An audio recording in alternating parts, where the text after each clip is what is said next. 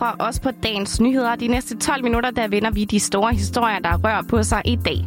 Jeg hedder Laura Brun, og med mig i studiet har Julie Vestergaard. Godmorgen, Julie. Godmorgen, Laura. Vil du ikke starte med at præsentere nogle af de historier, som vi skal omkring? Det kan du tro. Udsendelsen den skal blandt andet handle om det nye udrejsecenter på Langeland for kriminelt udviste, som integrationsminister Mathias Tesfaye besøger i dag. Og så skal Folketinget debattere et forslag om at gøre alle menstruationsprodukter gratis for kvinder i Danmark.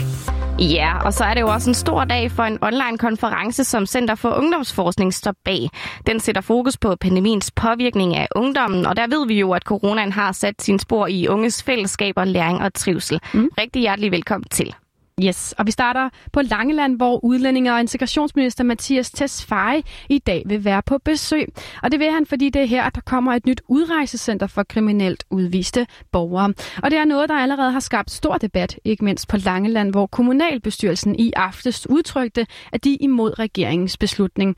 De frygter, at det vil udlægge den positive udvikling, der er på øen, og så føler indbyggerne, at beslutningen er blevet truffet hen over hovedet på dem. Der har generelt været en del diskussioner om, hvor det her her udrejsecenter skulle ligge, og mens nogle partier mener, at øen Lindholm var mere oplagt, ja, så endte det altså på Langeland. Og den beslutning måtte Mathias Tesfaye så stå på mål for, da han i går blev indkaldt i samråd om emnet. Det er klart, hvis man bor på Langeland, så synes man nok, det er en bedre idé, at det er Sydsjælland, der bliver påvirket. Og hvis man bor på Sydsjælland, så synes man nok, det er en bedre idé, at det er Langeland. Og det synes jeg er fuldstændig indlysende logisk. Og netop fordi jeg tænker, at de to løsninger kan det samme, nemlig adskille de afviste asylansøgere fra de udvisningsdømte kriminelle, så synes jeg, at økonomi er et væsentligt argument. Og så må det også betyde noget, at øh, Holmegård-løsningen kan håndteres for øh, mindre end det halve end Lindholm-løsningen. Udrejsecenteret det kommer til at ligge på et nedlagt asylcenter, der hedder Holmegård, og som ligger på sydspidsen af Langeland.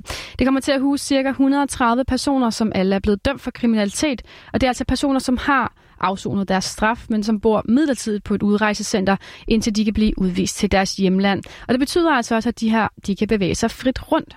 Okay, så bliver jeg bare nødt til lige at bryde, bryde ind nu. Altså, ja. ved vi, hvad de her personer de er dømt for? Fordi det er lidt vildt, tænker jeg, at de bare kan gå frit rundt. Mm, mm. Nej, det er stadig et ubesvaret spørgsmål. Øh, Mathias Tesfaye har sagt, at det er kriminalitet, der spænder bredt fra noget alvorligt til noget mindre alvorligt. Og blandt de mere alvorlige, der er manden, der forsøgte at dræbe tegneren øh, Kurt Vestergaard. Og fordi det netop er tidligere kriminelle, der skal bo her, ja, så bliver sikkerheden på Langeland også skærpet med mere politi, fortæller justitsminister Nick Hægerup.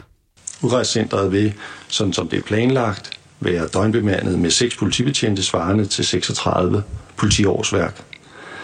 Behovet for at styrke Fyns politi og den lokale tilstedeværelse kan blandt andet henføres til, at der indsættes flere faste politipatruljer i området, forebyggende politiarbejde, efterforskning, sagsbehandling og øget beredskab til udrykning. Lige nu der bor de udviste kriminelle på udrejsecentret Kærshovedgård, som ligger i Ikast Brande Kommune i Midtjylland. Og der bor de så sammen med almindelige asylansøgere, som også er udviste.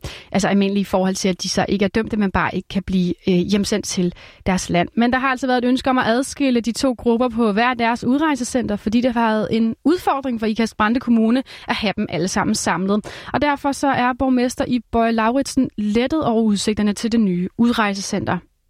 Altså det her, det er jo øh, dilemmafyldt og skismefyldt. Øh, og der, du vil ikke kunne finde én politiker i lokalpolitik i Danmark, der siger, kan I ikke rejse dem til vores kommune? Og det forstår jeg faktisk godt, at Langeland de reagerer og siger, hvorfor skal vi have de her mennesker til at bo her? Det er jo nøjagtigt den reaktion, vi har ikke, øh, dengang de kom til Kærsøgård. Øh, jeg forholder mig sådan set, det gør jeg heller ikke til indholden til, hvordan man prøver på at løse det. Jeg har bare forholdt mig til, at det er meget uhensigtsmæssigt, at man koncentrerer tre forskellige grupper på et center øh, i et lille lokalområde. Okay, men, men hvis det allerede er en udfordring for midtjyderne, eller var en udfordring, mm. hvad får man så løst ved at flytte personerne til Langeland? Ja, det er jo det rigtig gode spørgsmål, for kritikken går blandt andet på, at man bare flytter problemet et andet sted hen. Men lad os lige høre, hvordan Mathias Tesfaye han selv svarer på det spørgsmål. Alligevel vil mange formentlig spørge, om ikke vi blot flytter problemerne til et nyt lokalområde.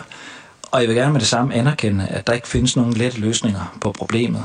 Og også, at problemet ikke hermed er løst, fordi der øh, nu oprettes et nyt udrejsecenter. Men jeg mener dog, at den planlagte adskillelse samlet set er en mere holdbar løsning på de udfordringer, vi står overfor. I stedet for et område skal klare det hele, fordeler vi det nu ud over to områder.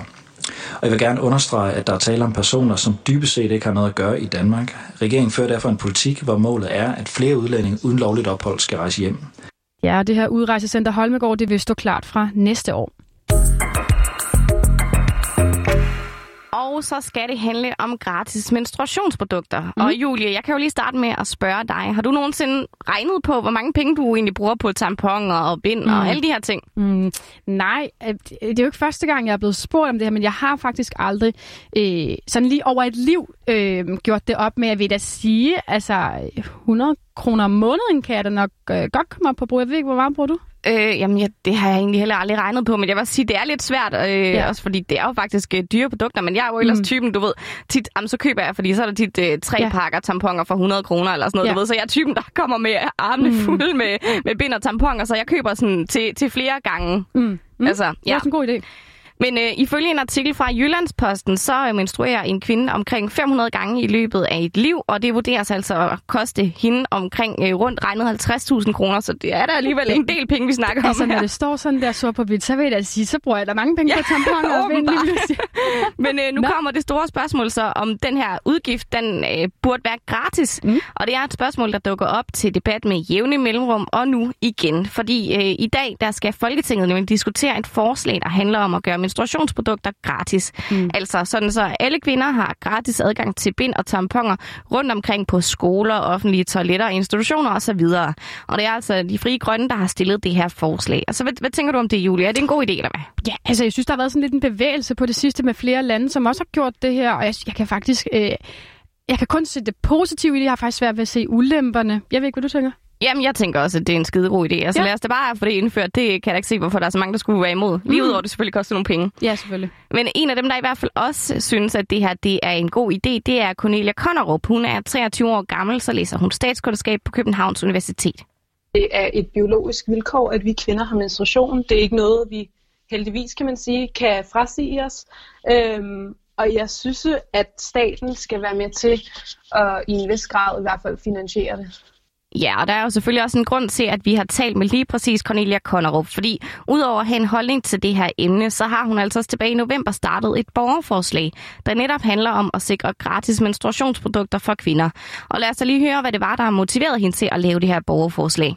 Altså først og fremmest så gør jeg meget ved ligestilling, og så så jeg, at, øh, så en artikel om, at Skotland nemlig har indført det, øh, og så blev jeg bare enormt inspireret og synes, at det var en virkelig god idé, og sad med nogle af mine studievenner og var bare sådan, det skal vi gøre og så lavede vi borgerforslaget. Det er jo fedt det der med borgerforslag, at øh, man kan mobilisere mennesker, øh, og man kan sige, det er en nem måde som borger at, at prøve at, at være med til at netop at præge den politiske debat og dagsordenen. Ja, og som Cornelia Connerup også nævner her, så har det skotske parlament tilbage i oktober sidste år også vedtaget en lov, der sikrer, at menstruationsprodukter som bind og tamponer, de bliver gratis tilgængelige i offentlige bygninger for alle. Og det, derfor så er det altså et eksempel på blandt andet, at man kan få tamponer og så videre på skoler og universiteter. Og på den måde så er Skotland altså det første land i hele verden til at betale den slags for deres kvinder i samfundet. Og ifølge Cornelia så vil en tilsvarende dansk økonomisk støtte på hygiejneprodukter være et ret stærkt signal i forhold til at normalisere menstruation. Også fordi, at det netop er et tabuiseret emne, øh, og jeg tror også, at det ville være med til at aftabuisere det, hvis man netop så bind på restauranter, altså ude på toilettet, og der lå frit tilgængeligt, og at også små drenge og små piger i højere grad blev, blev konfronteret med det, sådan så at, at, man ikke, at det ikke skulle være sådan et, øh, et ømtåligt emne. Et borgerforslag det skal nå 50.000 stemmer for at blive taget op til afstemning i Folketinget. Og så langt er Cornelias dog ikke nået. Det er aktivt frem til den 8. juni i år og har indtil videre samlet omkring 1000 underskrifter. Og på trods af det, ja, så håber hun altså, at forslaget det når langt og alligevel ender som et stykke lovgivning en dag. Jeg synes, det er vildt fedt, at, øh, at emnet skal diskuteres i dag i Folketinget og jeg synes, det vidner om, at vi prøver i hvert fald at være et forgangsland, øh, når det kommer til ligestilling. Og det ville da glæde mig enormt meget, hvis det kunne blive skrevet ind i lovgivningen på, på længere sigt. Ja, og den sidste store historie, vi lige skal ind på, handler om en stor online-konference, der sætter fokus på unges uh, trivsel her under coronakrisen. Og det er jo et emne, som har været op og vende flere gange i løbet af det seneste år, det her med, at vi unge egentlig klarer os uh, både fysisk og mentalt uh, under pandemien. Jeg ved ikke, hvad... Laura, vi har, vi har diskuteret det et par gange. Hvad, hvad ja. tænker du? Jamen altså, jeg tænker da helt klart, at det er godt, at der bliver sat fokus på de her ting, men, men mm. omvendt synes jeg også bare, at, at øhm, noget er jo at sætte fokus på det, men omvendt, altså, hvor er handlingen henne? Altså, mm. jeg synes, der kommer så mange gode idéer, som bliver smidt op i luften, men, men hvad bliver der så ud af de idéer? Det, mm. det synes jeg er lidt svært at finde ud af, faktisk. Ja, enig. Og fordi omfanget af det her problem, det er så stort, så har Center for Ungdomsforskning faktisk valgt at fokusere på netop det her under konferencen i dag. Og ifølge øh, CEFU, så har pandemien altså sat sin spor i unge sociale fællesskaber i deres læring og i den personlige trivsel. Og de vil så i løbet af i dag komme med deres vurdering af, hvilke unge, der rammes hårdest af pandemien, og hvordan man kan, hvad man kan gøre for at hjælpe dem. Og det her det kommer altså i køvandet på Regerings Ungdomspanel, som for nyligt også er kommet med 15 anbefalinger til, hvordan man forbedrer unges trivsel. Og nogle af dem, der er med i det unge panel, det er Dansk Ungdoms Fællesråd. Og vi har talt med øh, Chris Boer Pøjs, der er formand, som repræsenterer de her tre vigtigste idéer. Hvis jeg skulle fremhæve tre ting, som jeg håber særlig meget kommer til at blive til virkelighed, så vil det første være en trepartsaftale omkring at få flere unge i beskæftigelse. Fordi vi ser ofte efter kriser, at unge bliver efterladt på perronen, og selv mange år efter ikke er kommet lige så meget tilbage i arbejde som resten af samfundet. En anden anbefaling, jeg også håber bliver til virkelighed, er vores ønske om penge til en sommerpakke, der gør, at nogle af alle de børn og unge, der er faldet ud af foreningslivet, dem kan vi få tilbage hen over sommeren, så vi kommer endnu stærkere tilbage til, øh, til efteråret. Og en tredje prioritet er, at vi kigger på det faglige efterslæb, mange elever har haft, og giver dem en trivsels- og læringssamtale, hvor vi kan få kortlagt efterslæbet og få lavet en plan for, hvordan vi indhenter det. Ja, det er jo ikke så lang tid siden, at øh, statsministeren hun var på en højskole og, øh, og sagde, nu gør vi noget ved det her. Idéerne er blevet fremlagt, der er fokus på det i dag. Hvad tænker du, at nu der sker noget? Jamen, jeg tænker, nu skal der banges i bordet, og så skal der snart øh, ske noget. Altså, mm. ikke bare nok med de gode idéer, dem er der masser af, tydeligvis, men nu skal der ske noget handling. Ja, vi ja. snakkede for, øh, for nylig faktisk med, øh, jeg snakkede med en, som sagde, at, at øh, hun følte sig forbigået, hun går på universitetet, og hun øh, føler faktisk ikke, at der har været så meget fokus på dem, som øh, har været sendt hjem. De har jo ressourcer nok til at sidde derhjemme og læse osv., men de føler sig også meget alene. Mm. Og dem tænker jeg også, der kunne være fokus på i den. Nu ved jeg jo, at det er fra i morgen, at de må komme tilbage på fuld tid, og det tænker jeg, at der er rigtig mange øh, unge studerende på universiteterne, der sidder derude og også er ensomme, som måske øh, føler sig lidt forbigået. Ja, helt klart. Jeg synes, tænker også, de er blevet glemt lidt i den her, fordi man tænker, åh, de er ældre, og de skal nok øh, kunne connecte over øh, nettet og så Præcis. videre. det er og sådan ikke noget. kun dem, der går glip af studenterfester og hugen, der har det hårdt. Det er faktisk også de lidt ældre Det er det. grupper. Det er det. Så ja, lad os håbe, at der snart sker noget. Mm. Og med det så nåede vi også til vejs ende på endnu en morgen her i den her udgave af Dagens Nyheder. Din værter, det var Julie Vestergaard og mig, Laura Brun. Og den her udsendelse er tilrettelagt af vores kollega Rassan El Nakib, og vi siger tak, fordi du lyttede med.